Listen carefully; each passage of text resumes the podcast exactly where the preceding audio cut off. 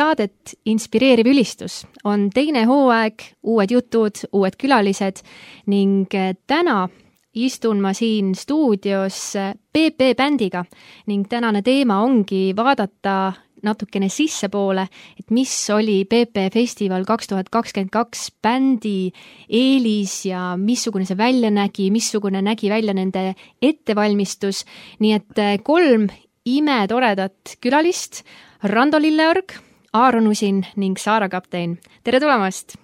tervist! tere! nii et teie olete olnud PP bändis sellel aastal, mõnel on olnud kogemust juba mitmeid aastaid ning mõnel täitsa esimest korda. aga ehk tutvustategi meile, et äh, mis oli sellel aastal teie roll siis bändis? mina olen Rando, mängisin äh, trumme ja tegin natukene ka kõike muud, niisugust võib-olla veits juhtivat rolli täitsin ka Sammi kõrval, kes siis tegelikult oli bändijuht mm. -hmm, kohe jõuame ka sinna tagasi. mina olen Aaron äh, ja mina mängisin äh, elektrikitarri koos kahe teise elektrikitaristiga. ja mina olen Saara äh, ja olin taustavokaal ja mina olen Ragne Kivimets, selle saatejuht, kuid ka PP Festival kaks tuhat kakskümmend kaks projektijuht, nii et istun ka mitme tooli peal. Rando, sa ütlesid, et, et Sam oli tegelikult juhtis bändi ja miks ta siis täna siin ei ole? vot see on äh, hea küsimus seda peab Samilt küsima. ja Sam, et äh, väga selline võõramaine nimi.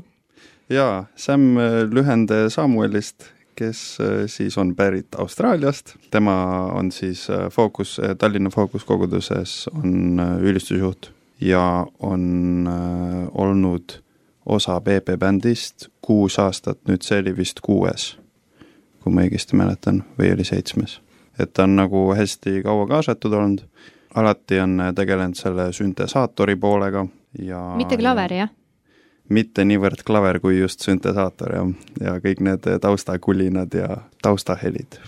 ma võin siia seda taustainfot anda, et miks just Samuel või Sam Deacon äh,, nagu me teda tunneme, on see, et äh, kui mina olen Eestis ülistuses missionärina ja ikka PP festivalis juhtides, et äh, ei saanud ma ka ma mööda vaadata siis sellest, et, äh, et minu jaoks on väga oluline see, et äh, kes, kes siis ülistust juhib ja kuidas siis seda on tehtud. muidugi kõike juhtides läbi palve jäin ma mõtlema ka selle peale, et ma ei taha lihtsalt ülistusjuhti, kes, kes juhiks sinna, ma usun, et PP bändijuht või muusikajuht vajaks enamat, vaid kui ma otsisingi, kes võiks juhtida muusika poolt, siis ma mõtlesin, et kes täidaks nagu sellist ülistuspastori rolli. ehk siis, et äh, oskaks seda muusika poolt loomulikult, aga oskaks ka meeskonda ehitada ja tegelikult oleks selline vaimulikult küps inimene, kes, kes teab ka tagamaid ja äh, tunneb teoloogiat ning oskaks äh, tegelikult seda hästi ka oma meeskonnale edasi anda ja siis lõpuks otsides äh, jõudsimegi Sam Deaconi peale ja mul on ülihea meel.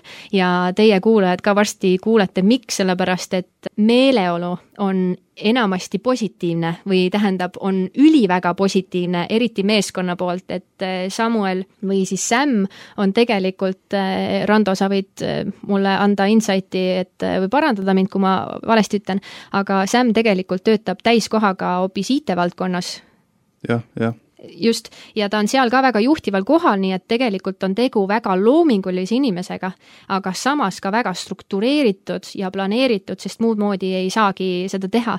et kui ma esimest korda Samiga ühendust võtsin ja rääkisin talle seda asja, siis ta küsis mu käest väga detailselt ära, et mis see bändi bändijuhi ülesanne oleks, mis oleks sellise ülistuspastori rolli siis eelduseks ja, ja ta oli väga, väga detailne nende küsimustega, rääkisime kõik läbi, ta samal ajal kõik kirjutas need ülesse ja ta ütles, et okei okay,, tead, ma palvetan, mul on tegelikult, kui ma sulle aus ütlen, ütles ta mulle nii, et mul ei ole aega selle jaoks, sest mul on tööl, ma sain just äh, ka uusi vastutusi juurde ja mul on koguduse muusikatöö juhtida, mul ei ole selle jaoks tegelikult aega, aga ma palvetan. ja siis ta palvetas saime mõne nädala pärast uuesti kokku, ta oli küsitlenud eelmiseid PP bändijuhte ja, ja küsinud nende käest kogu selle uuringu tegi ära ja ta oli aru saanud äh, selle uuringu tulemusena siis, et mis see PP bändi juhtimine, mis see endast kujutaks ja, ja mida see tähendaks. Ja väga struktureeritud tabelid olid muidugi seal, on ju, mida me koos üle vaatasime. Ning siis ta ütles, et kuigi ei ole mul selle jaoks aega nagu väga loogiliselt võttes, siis ma usun, et ma olen Eestisse tulnud ka eh, väga suure põhjusega. et, et Jumal on mind siia saatnud ja, ja muusikatöö ja edendamine, see, selle töö edendamine kogudustes on, on ka väga tema kirg selles osas, et, et siis ta on ütelnud, et ta tajub ära, et, et Jumal on andnud talle rohelise tule sellega ning, ning ta tegi ruumi aega ei olnud, aga tegi ruumi siis selleks, et PP bändi juhtida, nii et neil on, meil on, meil on väga hea meel. aga Rando, sa ütlesid, sa olid tema parem käsi, mis sa siis tegid tema parema käena?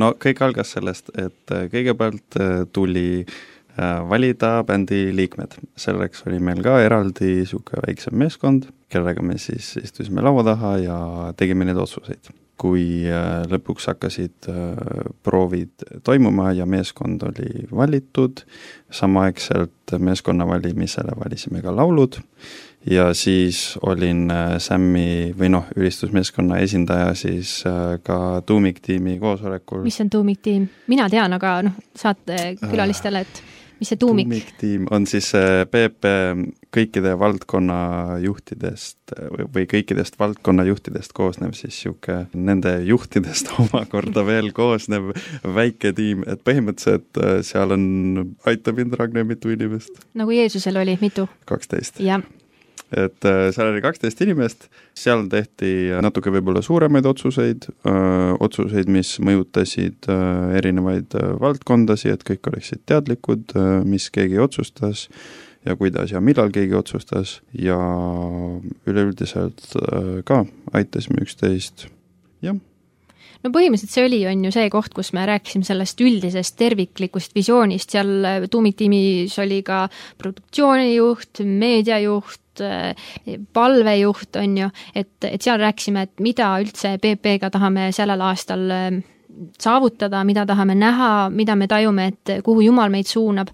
Ja siis äh, iga meeskonna juht siis pärast selliseid koosolekuid läks enda meeskonna juurde ütlema, et nii, plaan on selline, kuidas me, kuidas me saame selle enda valdkonnas just ellu, ellu viia, ellu tuua kindlasti on meie kuulajate seas ka palju neid, kes on mõelnud, et mina tahaks ka ühel päeval PP bändis olla. siin ja praegu räägime PP bändist kaks tuhat kakskümmend kaks. et äh, Rando, sa olid sellega väga tihedalt seotud ja tegelikult äh, mina ka, äh, Sam, Matteus Elbrecht ja olimegi vist nõnda palju, eks, viiekesi. et kuidas me siis PP bändi inimesi valisime? minu arust ikkagi kõige tähtsam äh, faktor kõikidest nendest muidugi, äh, kui me otsime instrumentalisti, on tore, kui ta oskab pilli mängida, seda võiks siis niisugusel heal tasemel. kas aga... Otsa kooli tasemel, kas Muusikaakadeemia tasemel, kas kodus tinistasin tasemel, mis see kriteerium seal on? no ideaalis minu arust võiks äh, inimene kaasa kindlasti teha enda koguduse ülistusmeeskonnas. see siis... oli üks raudpold kriteerium, eks ole, ka teistes juhtivatel laval ol olemistel, ehm, et kõik pidid, kõik, kes PP laval olid või kes iganes juhiks sai kuskil PP-l, et see oli oluline, et nad olid enda koguduses samamoodi tegusad ja, ja pühendunud. jah ja minu arust see oligi nagu tähtsam veel, kui mõnes mõttes kõik muud oskused, oli see, et me teadsime, et nad on äh, enda kohaliku koguduse töös nagu kaasatud, äh, teevad kaasa, panustavad, aitavad kaasa, et, et see oli nagu väga suur osa.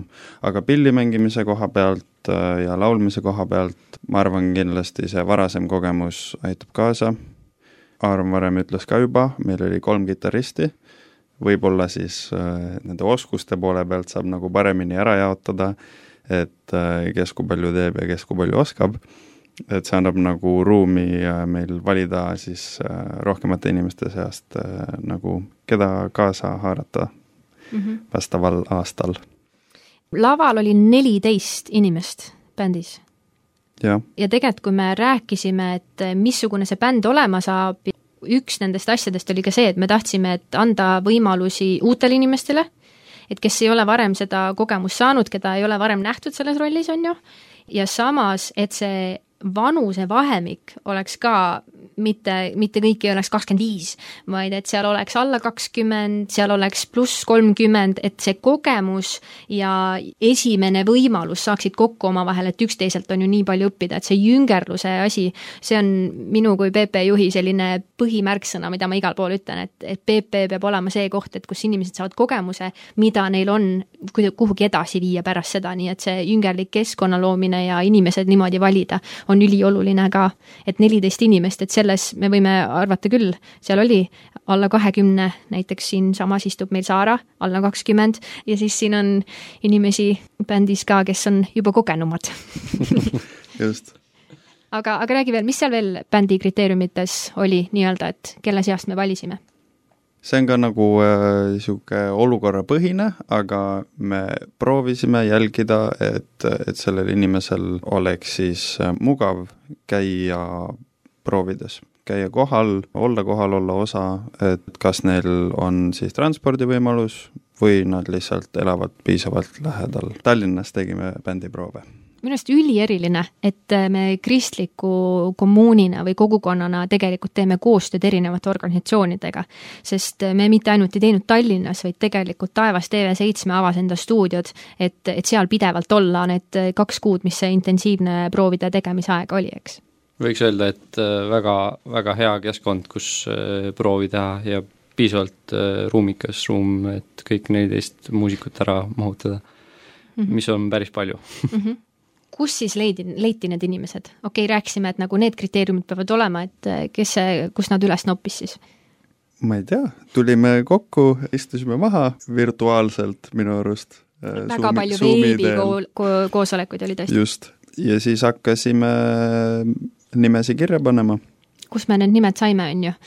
minu arvates inimesed pidid ikka olema kuskil silma jäänud, et meil pidi mingisugune koostöökogemus olema, et mitte meil kõigil, aga üks või, või teine tõi siis esile mingid nimed, kes olid enamasti teiste jaoks uued, on ju jah, eks see varasem, varasem kokkupuude oligi kõige tähtsam, et seal käisid küsimused ka läbi, et, et aga kas te olete kindel või kas keegi teab lähemalt mõnda inimest ja siis, kui vastus oli jaatav, siis üldjoones jah, see nagu, kui, kui kogemus selle inimesega ja temaga nagu koos töötades oli hea, siis võtsime ühendust mm. -hmm ja, ja ikkagi see nagu erinev kogemus mängis ka rolli, et me ei võtaks inimesi, kes on samal tasemel ja samas vanuses ja samast kogudusest, vaid et oleks võimalikult varieeruv meeskond, et olekski selline üksteise arendamine eh, tegelikult üheskoos eh, tehes eh, väga oluline.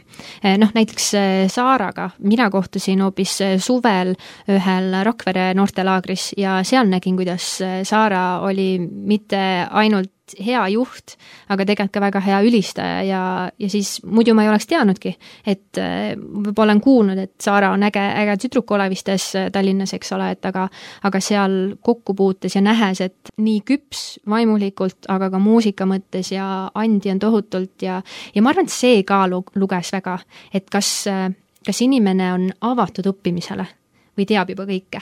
et kui me oleme avatud õppimisele, siis me oleme meeskonnakaaslastega palju parem ja ma usun, et see sai väga-väga hea meeskond äh, lõpuks kokku, kõik need neliteist inimest. Saara, me oleme rääkinud sinust mm, -hmm. räägi meile oma meeskonna kogemusest, et kui sa sinna sisse said, et äh, või noh, sisse said, sind kutsuti, ma saan aru, see tuli sulle üllatusena? jaa, kusjuures äh, see tuli väga suure üllatusena mulle aga ma sain aru, et see aasta vist äh, oli ka selline taotlus äh, meeskonna poolt, et kaasata uusi ja nooremaid, et kuidagi seda pealekasvu tuleks juurde. Rando kirjutas mulle tegelikult ja, ja ta ütleski, et sina, Ragnar, olid mind soovitanud ja see oli väga südantsoojendav ja tegelikult ka mõnes mõttes natukene raske mulle. kindlasti see oli mingi asi, mida ma alateadlikult alati võib-olla olin kuidagi unistanud, aga ma ei olnud sellele niimoodi mõelnud ja kui see tuli, siis see tõi kuidagi minu sees ka välja mingeid asju, mida ma kunagi ei olnud võib-olla sõnastanud see oli kindlasti üks äh, selline katsumus ka, et kas ma pean seda vastu võtma või ma ei pea. ja ma olin oma noortelaagris parasjagu, kui see kutse tuli ja mul ei olnud üldse aega seal tegelikult äh, mõelda, kuna mul olid omad vastutused seal. Ja ma teadsin, et mul on terve päev kinni. Ja siis äh, ma õhtul äh,, mul oli viisteist minutit enne sauna, kõik ootasid mind, aga ma läksin palvetelki ja siis ma olin seal. Ja ma kuidagi palvetasin ja mõtlesin, et jumal, et kas see on mingi asi, mida ma pean tegema ja, ja kas sina tahad, et äh, ma oleksin sellest osa. ja ma arvan, et ma pidin olema, sest et siin ma olen ja, ja ma näen väga Jumala kätt selles, et ma olin seal, ma õppisin väga-väga-väga palju ja ma usus ka kasvasin, et ma pidin kindlasti vee peale astuma. ma usun, et eh, minu lemmikud lood PP bändist on tegelikult, et eh, missuguse arengu igaüks seal bändis tegelikult tegi.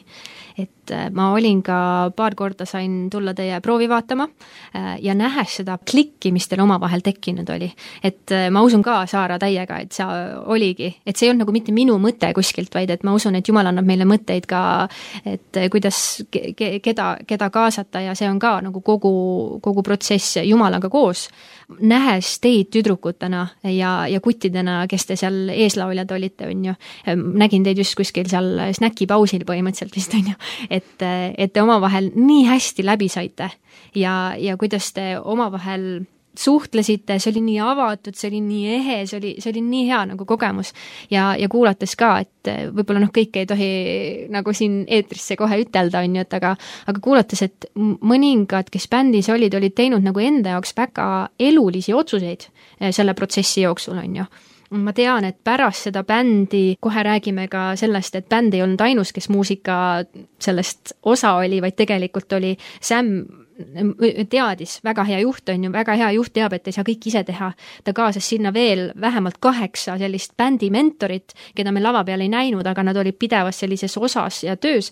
ja, ja mis näiteks välja kasvas, oli, et äh, üks mentoritest ja üks bändikaaslastest, äh, nemad hakkasid koos piiblit lugema, siiamaani loevad koos piiblit, on ju. et see ei olnud nagu mitte lihtsalt, et teeme koos, koos mingi projekti ära ja lähme laiali, vaid, vaid tegelikult see, mis te olete üksteisele andnud see on kogukond ja see on, see on midagi, midagi, midagi enamat kui, kui lihtsalt üks, üks nädalavahetus ja selleks ettevalmistamine, sest ka vaimulik ettevalmistus oli teil. aga, aga rääkige rohkem sellest eh, mentoritest teie kõrval. kes, kes nad olid, mis nad tegid? üks mentor oli Imre ja tema oli just eh, vaimuliku poole pealt Imre Kuller. Imre Kuller, jah. Oli vaimuliku poole pealt ka vastutav siis mentor kes mm. siis oli nii-öelda selle tiimi juht, tema otseselt proovides vist ei käinud, aga, aga käis nagu tiimipäevadel vähemalt kaks tükki. oota, teil olid proovipäevad ja tiimipäevad, mis no, need on? selles mõttes, et äh, lihtsalt võtsime eraldi aega, et, et lisaks, lisaks tavalisele proovile veel kokku saada, et, et, äh, et võikski tekkida selline bondimine omavahel, et, et saaksime lähemalt tuttavaks ja, ja, ja sõprussidemed võiksid eh, tugevneda. väga äge, nii et eh, Imre juhtis nagu mingeid osasid jah, tema, tema just jagas siis nendel tiimipäevadel sellist vaimulikku osa seal. ma arvan, et üks tähtsamaid ja meeldejäävamaid asju oligi lihtsalt see, et et kõige selle PPL saadava võib-olla tähelepanu keskmes on, on ikkagi äh, meie isiklik osadus äh, kõige tähtsam, et, et see, see on see, mis äh, meid kannab ja see on ka see, miks me tegelikult läheme sinna lavale. et tuua kiitust oma loojale, oma issandale. lauljatel oli Anett Viinalass, kuna meid oli see aasta kuus tükki, mis minu meelest oli väga äge, et kui sa oled ülistusjuht, siis PP-l sa ei pidanud ainult laulma kogu aeg, vaid kuna me saime nagu laulud ära jagada, sai ka ise lihtsalt äh, ülistada ja see taotlus oli ka see, et äh, saaks õpetada inimesi ülistama. et kui meid on palju seal ees, kes ülistavad, siis ähm, teised saavad näha seda. Anett aitas meil hääli seada ja erinevaid äh, mitmehäälsust just seada ka, et kes mida täpselt laulda võiks. ta tegi väga head tööd mm. -hmm. Anetiga oli kaasas ka Josh. Josh aitas siis trummide ja perkussiooni poole pealt nagu julgustada ja julgestada ja siis olid veel äh, viiresed, Ardi ja Regina. pühamüristuse siis ühed tegijad ja juhid. mis viiresed tegid?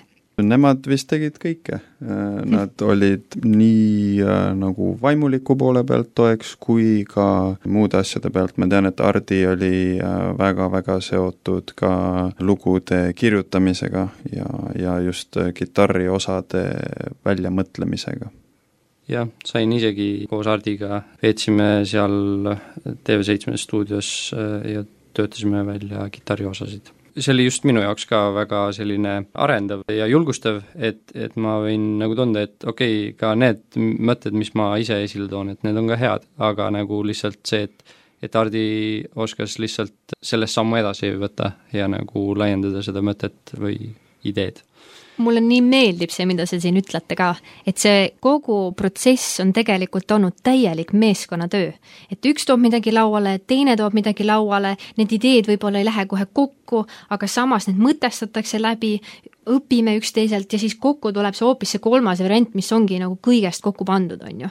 nii, nii äge ja, ja ma arvan, et see on nii eeskujuks kogudustele samamoodi, et mitte, mitte üksinda kuskil teha, vaid tegelikult võimalikult palju kaasata, et kui ei ole endast kogenumaid, siis võib-olla endast nooremaid võtta või alati muidugi kogenumad või mittekogenumad ei pea nagu vanuse mõttes olema, on ju, et aga võtta keegi enda kõrvale ja, ja saada palju paremad ideed juba sellepärast, et me koos teeme asju.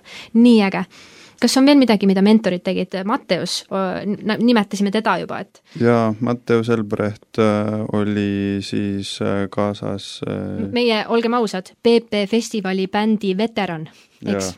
legend, legend. et ta oli kaasas meeskonna otsimisel, samamoodi lugude kirjutamisel aitas kaasa ja andis asjadele niisuguse viimase lihvi. Ja ilmselt oli ka päris palju sisu tiimis kaasas sest et äh, tema abikaasa Kerli oli sellega seotud, nii et ilmselt ta oli nagu kahes paadis korraga. siis oli veel äh, Raili Lilleorg oli ka minu õde, oli äh, ka nagu siis vaimuliku poole mentor. tema peamine ülesanne oli meie eest palvetada appi kui tore. selles osas me võime ütelda, et PP-s me, me ei teinud kuidagi allahindlust palve osas, vaid me päriselt, meil olid inimesed, meil olid meeskonnad ja igal meeskonnal oli veel inimesi selle sees, et kes olidki pandud nagu rolli palvetama, sest, sest me usume sellesse. ja, ja see on üks äh, väga suur väärtus ja mida me tahame edasi anda igas mõttes nagu näete, ma olen vaimustatud teist ja ma olen vaimustatud PP-st ja sellega, sellest, mida Jumal teeb. mitte ainult sellel nädalavahetusel tegelikult, sest mida me alles nagu räägime, siin on ettevalmistus. ja see protsess, ma arvan, on omaette juba selline, ma ütleks, et te olete peaaegu nagu ülistuskooli läbinud. Eh, sellise nagu kiirkursuse, et mille, mille Sam koos meeskonnaga on siis kokku pannud, et see on, see on nii üliäge ja, ja ma loodan, et mitmed saavad sarnast kogemust, kui mitte seda kogemust. aga räägime midagi praktilist. mis oli see ajaplaan PP bändi ettevalmistusel eh, kuni PP nädalavahetuseni? kuna Sam on eh, nii põhjalik, siis, siis tema tegi meile ka sellised videokavad või nagu et ta näitas täpselt graafiku peal ära, et kus on see laulude valimise põhiaeg ja siis, siis see läheb eh, nagu fookusest välja, siis tuleb järgmine asi siis tuleb järgmine asi, et ma arvan, Sami põhjalikkus äh, tegi nagu meie kui tiimi ähm, ajakavast arusaamise palju lihtsamaks, et me kõik olime kindlad, et nüüd tuleb see, nüüd tuleb see. lihtsalt selline juhendatud olla on väga hea.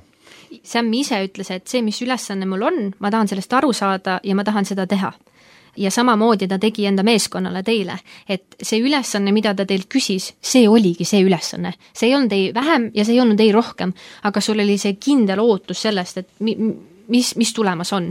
nii et äh, ma arvan, et siit on meil palju õppida ja mina juhina kindlasti õppisin Samilt palju selle, selles osas. mis, mis siis, okei okay,, ma saan aru, et oli laulude ajakava, aga, aga noh, võib-olla lähetegi otsast peale, et mis oli nagu punkt üks ja kuni, kuni nädalavahetus kui minult äh, küsiti maikuu äkki kolmandal nädalal, siis äh, mul oli nädal aega otsustusaega, ma ütlesin jah, ja siis sealt hakkas pihta bändi siis äh, väljavalimine, lugude valimine, enne valisime bändi välja, mis kestis juunikuu alguseni ja minu arust see, et äh, Samil oli ajakava ees, oli ka nagu väga aus nende inimeste suhtes, kellele me, keda me soovisime bändi saada, sest et meil oli võimalus äh, kirjutada neile, et me väga tahaks, et te oleksite äh, osa bändist, siin on see, mis me teha tahame, meie ajalised nõudmised, me teame, et see on palju aga see on nagu minu arust hästi hea võimalus, kuidas nagu luuagi inimesele see pilt, et kui palju selleks aega kulub ja kas neil päriselt on see aeg võtta, et nad pärast ei peaks siis nagu augustikuu jooksul aru saama, et seda on liiga palju või et, et see on nagu totaalselt käib üle pea. mis see siis oli, mis te küsisite nende käest?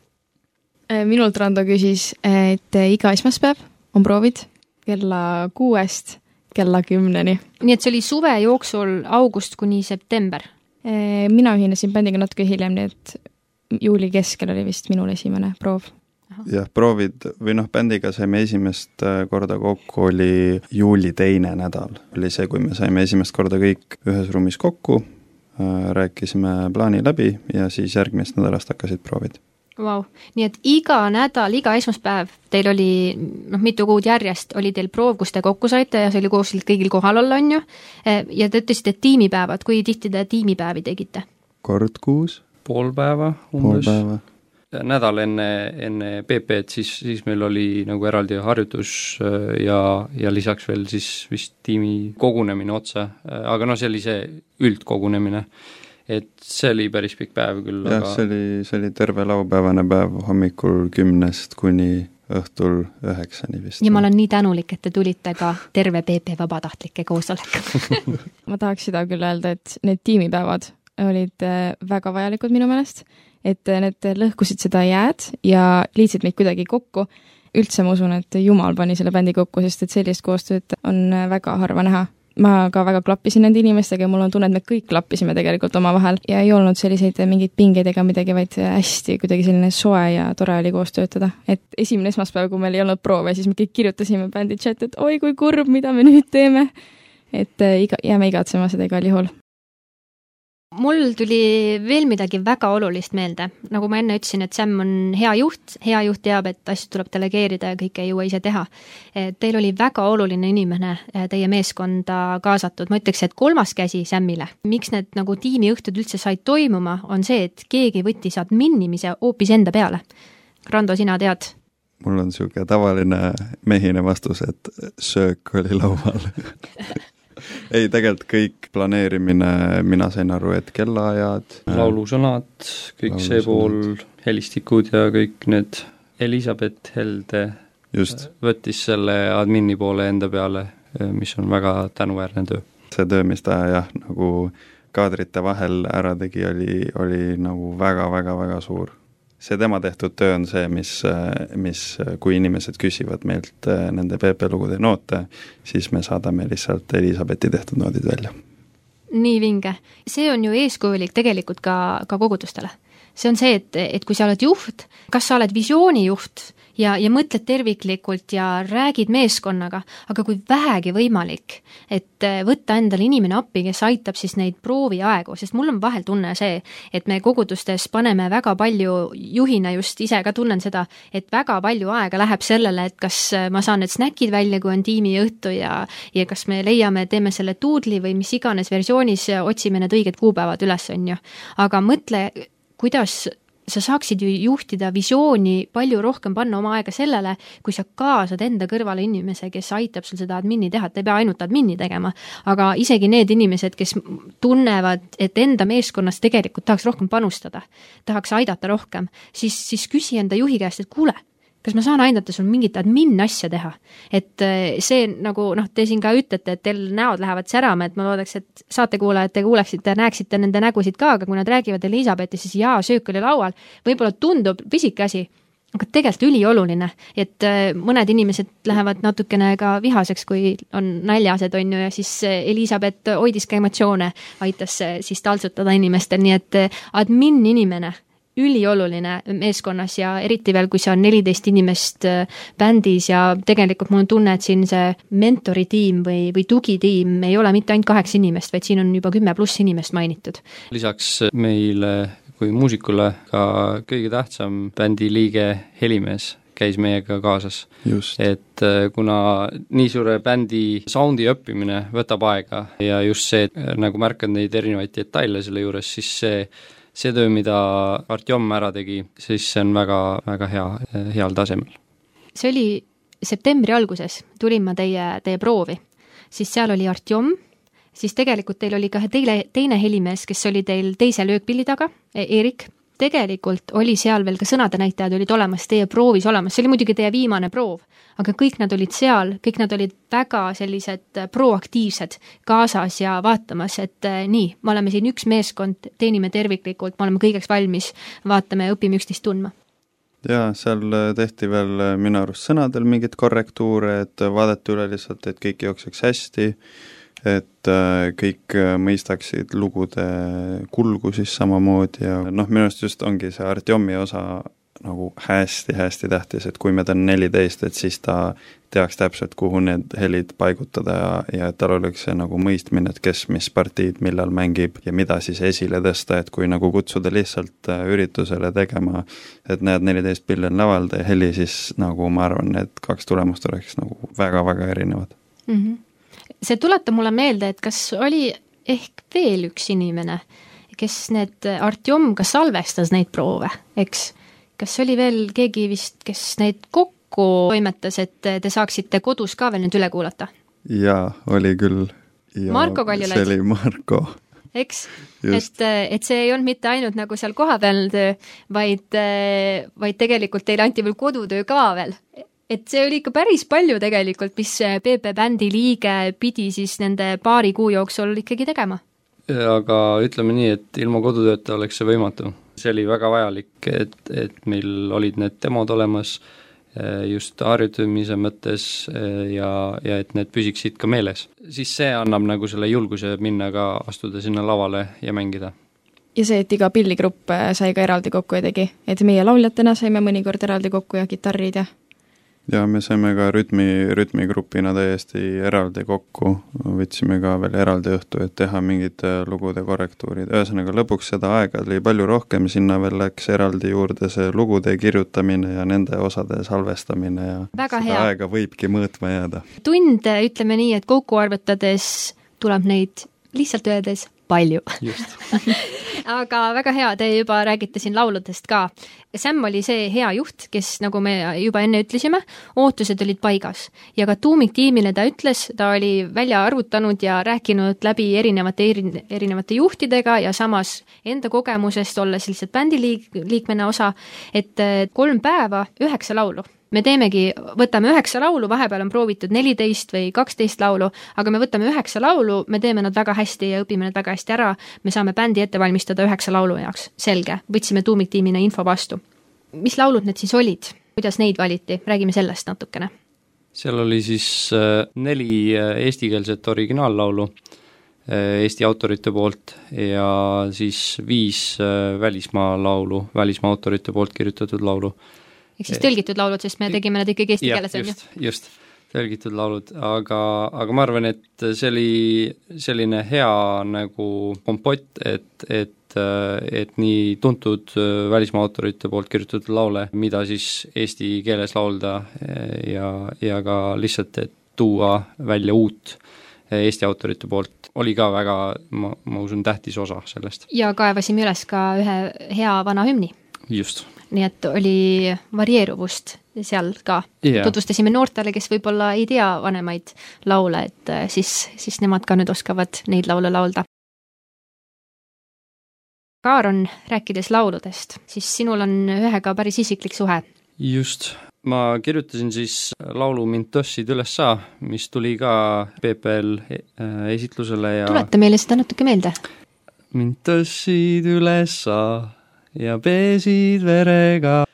tegelikult selle kuidagi võib-olla kirjutamise lugu on ka selline huvitav, et tegelikult ma kirjutasin selle loo valmis võib-olla kuskil kaks tuhat kuusteist aastal, aga ta nagu jäi kuidagi sinna sahtlisse jah, ja mingi hetk ma lihtsalt äh, tundsin, et salmid on head, aga selle ülejäänud lauluga ma ei ole üldse rahul. aga siis ma proovisin tükk aega ja midagi ei tulnud kuidagi enamat ja siis äh, alguses ma kirjutasin Joonas Alvarile, et äkki tal on aega, kahjuks tal oli kiire, aga siis äh, kirjutasin heale sõbrale Juhan Ungrule, et äh, näed, siin on üks demo, et äkki oskad midagi sinna juurde liita ja minu kirjutatud on siis salmid ja ülejäänud laul on siis Juhani kokku liidetud osa. mis inspireeris sind neid salme kirjutama? ma arvan, et ühelt poolelt lihtsalt erinevatest asjadest läbiminek enda elus äh, ja kuidagi läbi mingite olukordade ja siis sa avastad, et, et tegelikult sa oled katkine inimene ja nagu vajad Jumala armu. sellest see inspiratsioon ka tuli. samas ma tundsin seda, et äh, mul tuleb lihtsalt tavaliselt nii, et, et ma enne, enne võtan kitarri kätte ja mul tuleb harmoonia siis mingi hetk tulevad sõnad, kui tulevad. -hmm. et, et siis, siis ma selle loo algusega kuidagi tundsin, et, et võib selle teemaga, et kui sa avastad, et sa oled katkine inimene, et, et võib kirjutada melanhoolseid lugusid ja ennast äh, haletsevaid lugusid, aga, aga ma ei tea, kuidagi selle lauluga oli pigem see, et, et need sõnad ka on see, et, et me tõstame nagu pilgu Jumalale ja, ja ja tantsime, see oli väga tantsulka laul oli et tegelikult äh, nagu me saame rõõmustada sellest, et, et äh, Jeesuse veri peseb meid puhtaks ja me võime olla õiged läbi tema tehtud töö. ja selle lauluga oli ka veel see, et äh, siis, kui see lõpuks valitud sai PP-le, siis minul oli ikka see, et ma ei tea, kas see lugu töötab aga siis, kui ma kuulsin, millise põhja Rando sinna alla panin, siis oli okei okay,, see töötab nii et, nii et ka siin nagu laulude kirjutamisel ja laulude valimisel mis, mis tuleb esile, on see meeskonnatöö. et eh, mul ei ole seda, aga mul on see ja siis tuleb teine ja siis veel ei tööta, aga siis tuleb Rando ja opa, et hea eeskuju, ma arvan, ma arvan meile kõigile. aga siin meil oli ka teisi laule, me ütlesime, et üks siis eh, hümn on ju ja, ja tegelikult eh, tõlkelaulud ka me rääkisime Sämmiga, et kuidas me need tõlkelauludega teeme, sest hästi oluline on ka siin meeskonnatöö. et, et laulud tegelikult äh, välismaal juba tehakse seda nõnda ja ma arvan, see on väga eeskujulik, et kõik laulud vaatavad üle keeleinimene, vaatab üle muusik ja vaatab üle teoloog. ja täpselt nii me tegime absoluutselt kõikide lauludega, kõigi üheksa lauludega. ma tean, et äh, üks äh, üks tõlge on juba päris tuntud, üle Eesti juba levib, on ju, aga ka selles me tegime mingeid muutuseid, küsisime siis tõlkija käest luba, sest nii tuleb teha, küsisime, et kuule, me vaatasime keel, keeled inimesed, kolm keeleinimest vaatasid selle laulu üle ja, ja siin kohas tahaks eesti keelt paremaks muuta, kas see on sinu jaoks okei okay.? ja siis tõlkija ütles minu poolest vabalt, sest see toimib väga hästi, nii et let's go, lähme, lähme selle plaaniga edasi ja ma tean, et äh, Hansu laulus, eh, mis samamoodi hakkab juba nagu tuure eh, üles võtma, on ju, eh, Sinu riik olgu maa peal, eks, see laul. Hans, Hans-Heiki Metsamaa siis on selle laulu kirjutanud ja keeleinimesed andsid seal ka, andsid tagasisidet, et hei, siin on nagu see üks koht, kus tahaks sõnad natukene teistpidi pöörata, et kas see on sinu jaoks okei okay ja siis meeskonna toimel, meeskonna tööl, siis me seda tegime. et tegelikult ju laulud kannavad edasi teoloogiat, muusikat ilmselgelt, aga tegelikult annavad edasi ka keelelist poolt, et kuidas me räägime teoloogiast, kuidas me räägime Jumalast, kuidas me räägime üksteisega. et äh, mida korrektsemalt juba algselt teha seda, seda paremini see levib.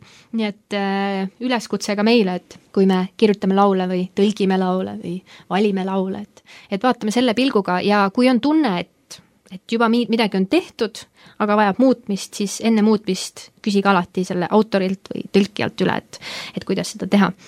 aga teie kogemus, te räägite sellest nii positiivselt. kas midagi oli rasket ka?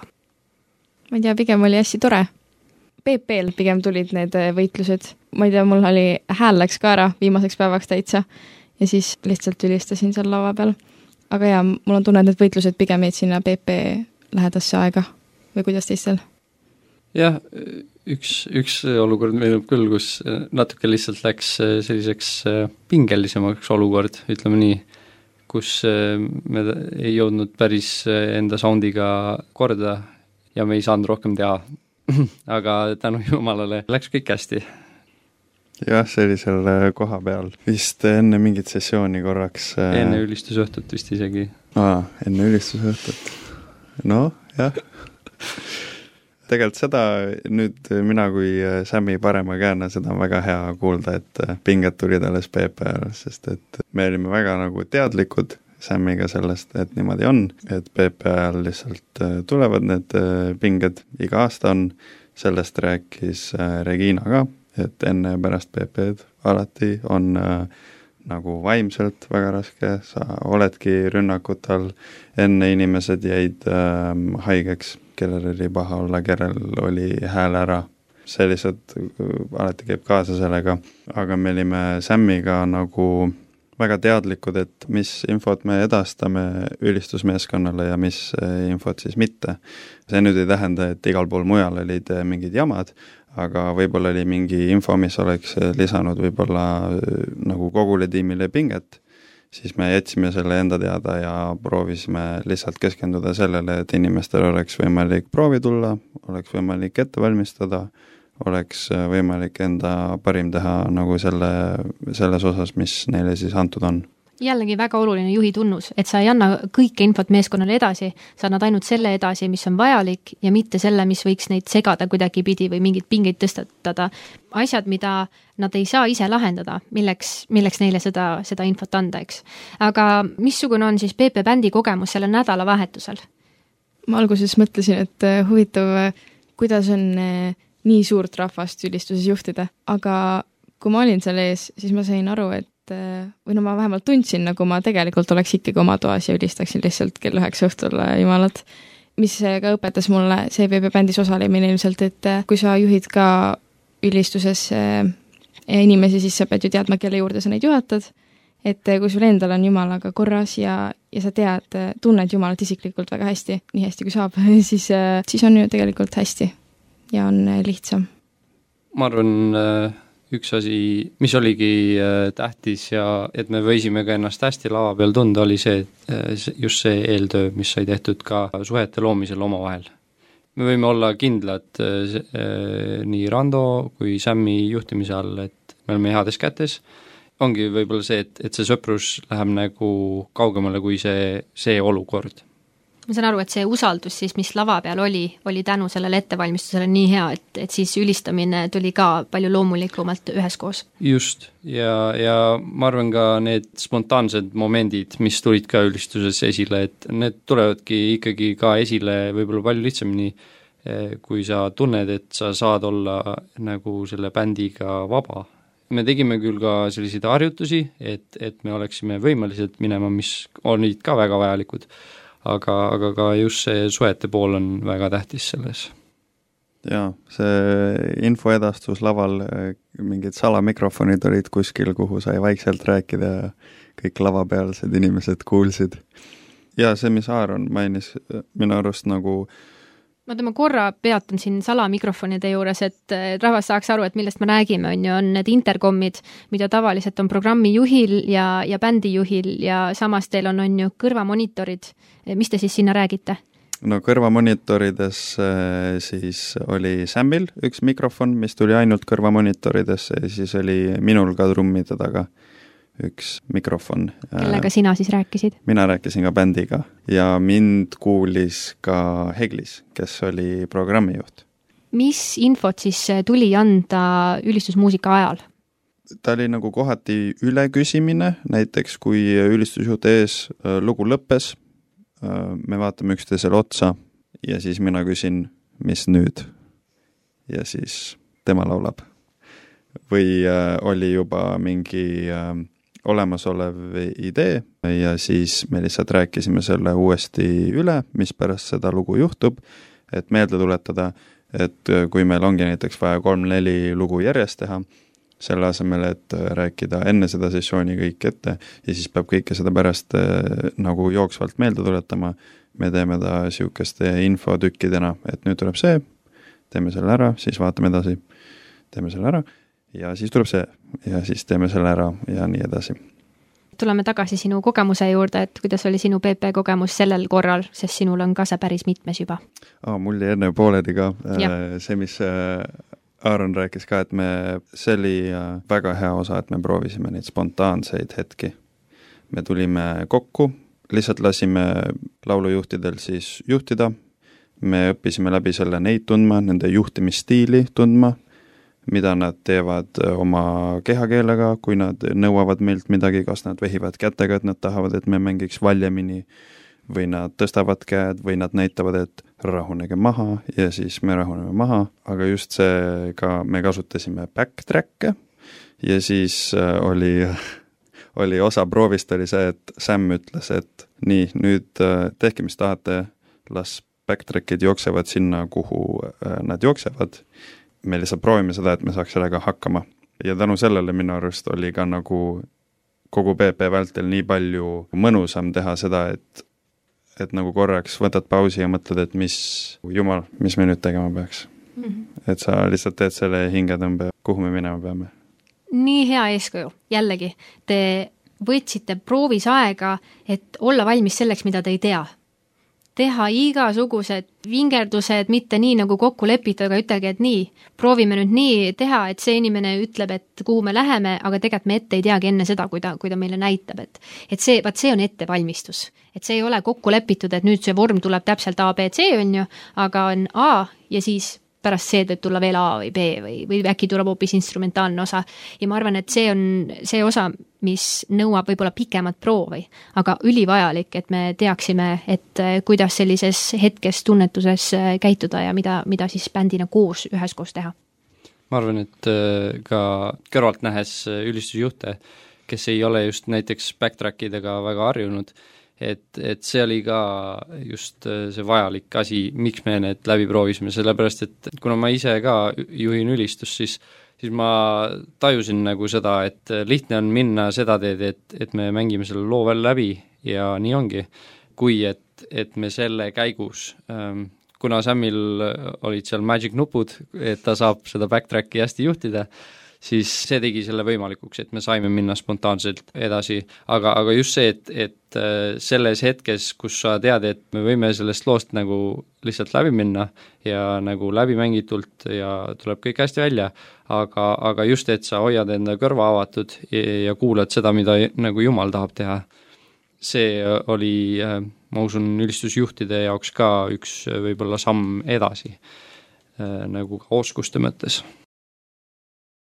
me oleme saates Inspireeriv ülistus ja me räägime täna PP Festival kaks tuhat kakskümmend kaks bändist, selle ettevalmistamisest ja kuidas see siis sai olema. aga me olemegi siin juba saate lõpupoole ning äh, küsikski viimased kaks küsimust. mitmega teist bändist, ka teiega, kes ei ole siin laua taga otse, aga on bändist osa, äh, on ütelnud, et vau wow,, see kogemus oli nii hea, et selle kogemuse ma võtan ka kogudusse kaasa, sest nagu me enne ütlesime, et PP bändis olid inimesed, kes ka oma koguduses teenivad ja enamasti muusikutena. et äh, mis on see, mida teie sellest kogemusest enda kogudusse kaasa võtate?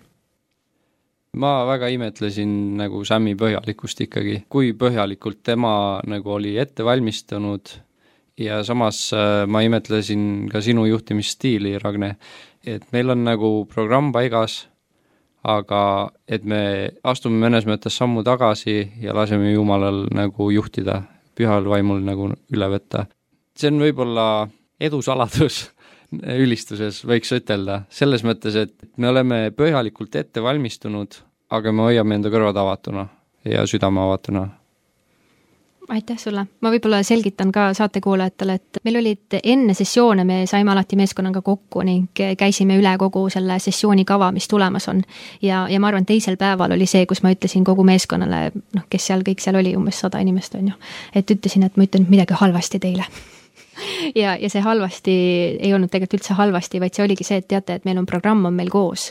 aga nüüd ma tahaks näha, et Jumal juhib meid ja programmi ja mitte programm ei juhi meid. et oleme avatud sellele, et kui, kui on ühine tunnetus, et tuleb midagi muuta, et siis, siis teeme ka seda. ja nii oligi. ma arvan, et kohe sellel esimest korda, kui ma nii ütlesin, kohe oli esimest korda, et bänd ei pidanud pärast kõnelemist minema lavale, aga käis suhtlus interkomide kaudu ja mille veel kaudu, aga oligi, et kuulge, me tajume, et me peaks ühe laulu veel tegema ja nii me tegime. programm ei juhtinud meid, see oli kokku pandud meie poolt ja ma usun, et Jumalaga koos ettevalmistuses, aga ka seal kohapeal vaatasime, tunnetasime ja ja nii, nii sai olema, et olime avatud, mida me koos saame teha nii, et kuidas, kuidas me koos saame järgida Jumalat sealsamas, seal paigas, mis teeniks neid noori, kes sinna kokku on tulnud ja kes meil veebis vaatavad kõige paremini. Et, et samas ma nagu ei ütle seda, et nüüd, kui me kindlasti järgime seda kindlat kava, et see ei ole Jumalast, aga lihtsalt äh, vahel Jumal äh, selles momendis võib-olla toob midagi uut esile, et, et, et me oleme kõike teinud nagu palvemeeles ja Jumalat kuuldes, et aga lihtsalt midagi uut võib-olla. just, aitäh!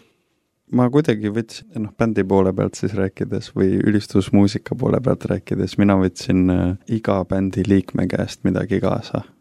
sa oled nagu värskendatud, sa näed ja kuuled, kuidas teised inimesed ülistavad ja, ja kuidas teised ülistusjuhid juhivad et see on nagu väga-väga inspireeriv. ja nagu hästi julgustav ja, ja ma lihtsalt pärast seda tundsingi niisugust värskust ja olin nagu ma ei tea, kuidagi niisugune rahulik ja õnnelik. päris hea asi, mida kaasa võtta, olla ja. inspireeritud. aitäh, Rando! Saara, kuidas sinuga, mis sina kaasa võtad enda kogudusse sellest kogemusest?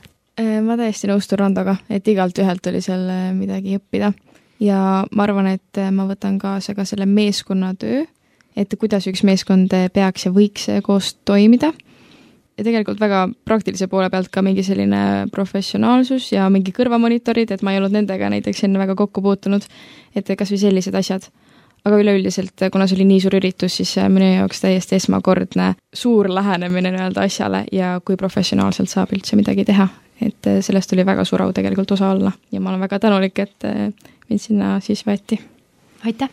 ütelge kiirelt, see oli üks projekt millega te korra tegite, ühe korra aastas siis koos teenisite, mille jaoks oli pikk ettevalmistus. aga ütelge kiirelt, et kus kogudusest ja mis rollis te iganädalaselt siis kaasas olete? mina olen Tallinna elukogudusest ja olen seal ülistusjuhi rollis. Ehk siis ülistusmeeskonna juhi rollis on ju, võib ka nii ütelda? Mhm. jah mina olen äh, Nõmme baptisti kogudusest Tallinnast äh, ja olen üks äh, produktsioonijuhte ja samas ka ülistusjuht. Mhm. või siis ka mängin seal ülistuses. ja mina olen Tallinna Oleviste kogudusest, ka peamiselt tegelikult ülistuses teenin juhina ja meeskonnas, aga ka muid asju, mis on vaja teha. sõnu näidata ja köögis vahel aidata ja mulle meeldib kõike teha vahel. nii tore küsin sellepärast, et äh, te olete kuskilt enda teenimisega tegelikult algust teinud ja jällegi rõhutan, PP meeskonna juhtivale kohale kutsuti inimesi, kes juba enda koguduses midagi teevad ja on pühendunud seal. siin saates Inspireeriv helistus me alati saate lõpus küsime sellist küsimust ning lõpeta minu lause. Rando, sa võid olla esimene. Oma teenimise alguses ma oleks tahtnud teada, et mulle jäi hinge kunagi aastaid tagasi, ma arvan nüüdseks juba kolm aastat tagasi, ma õppisin välismaal piiblikoolis ja seal mulle öeldi ja see on kuidagi minuga kaasa jäänud, äh, öeldi, et kogudus on nagu pere, keda teenida, mitte publik, kellele esineda. ja ma mäletan, kui ma esimest korda käisin, äh, ma käisin siis veel äh, Toompea koguduses ma olin neljateistaastane ja ma käisin ülistustiimi proovimas siis, et kas ma saan sinna trumme mängima ja esimene kord ma ei saanud. Ja see oli äh, kuidagi nagu hästi kurb mulle. Ja mitte, et keegi ei julgustanud mind, aga kuidagi see, nagu isegi aastaid hiljem, kui ma kuulsin seda, et see on äh, perekond, keda teenida, see nagu kuidagi tõmbas, äh, eriti ülistades nagu kõik, kõiksuguse pinge nagu maha minust ja aitas mul keskenduda ja fokusseerida Jumalale. väga oluline teadmine. üks asi on see, et kui sa ülistust teed ja ülistust tood, et sa pead olema valmis võib-olla ohverdama midagi. ma ei tea, mul on lihtsalt sõpradega tihti see, et teevad midagi põnevat ja lahedat, aga näiteks ma ei saa sellest näiteks osa võtta, sellepärast et mul on järgmine päev, pean kuskil ülistust juhtima, et ma ei külmetaks või midagi sellist et, et noh, on lihtsalt mingeid asju, millest äh, võib-olla sa ei saa nii lähedalt osa võtta, aga ma ütleks, et äh, see on ikkagi väärt Jumalale selle ohverduse toomist. ja minu vastus ka ilmselt äh, väga kattub Rando omaga, mis mul peas helises, et, et sa ei ole seal selleks, et ennast näidata. kui me räägime just ülistusest, üks asi, mida ma olen väga enda elus näinud, mis ma vist sinuga, Ragnega, olen ka rääkinud, et nõtruses saab vägi täielikuks. Ja me peame andma oma parima ja tegema ettevalmistust, et ähm, juhtida teisi ülistuses, aga alati ei lähe, esiteks kõik nii nagu plaanitult ja vahel on see isegi ka hea, et ma olen näinud, et see võib tulla kasuks, kuna kui kõik ei tule nii, nagu sa tahad, eh, see tegelikult teeb sind alandlikuks. Ja alandlikkus on teenimises kindlasti minu arvates kõige suurem voorus, et kui sa oled alandlik, eh, siis Jumal saab sind kõige rohkem kasutada ja tõesti, eh, Jumala au saab kõige rohkem tulla esile.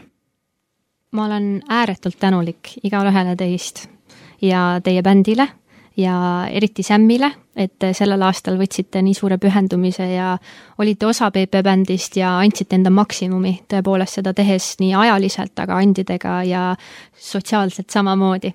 et äh, ma loodan tõesti, et see kogemus teile on midagi, mida te ise edasi kannate ning äh, see jüngelik keskkond, mida, mis teie jaoks loodi, et te loote neid edasi just seal, kus te, kus te teenite oma koguduses ja ma usun, et teie ka äh, laiemalt, laiemalt veel, nii et äh, suur aitäh teile selle eest, kogu PPM bändile, aga aitäh sulle, Rando Lillejärg, Arnu siin ja Saare kapten, et te olete ka täna olnud siin ja jagasite enda kogemusi PP bändina. Te kuulasite saadet Inspireeriv ülistus, minu nimi on Ragne Kivimets ning järgmiste kordadeni.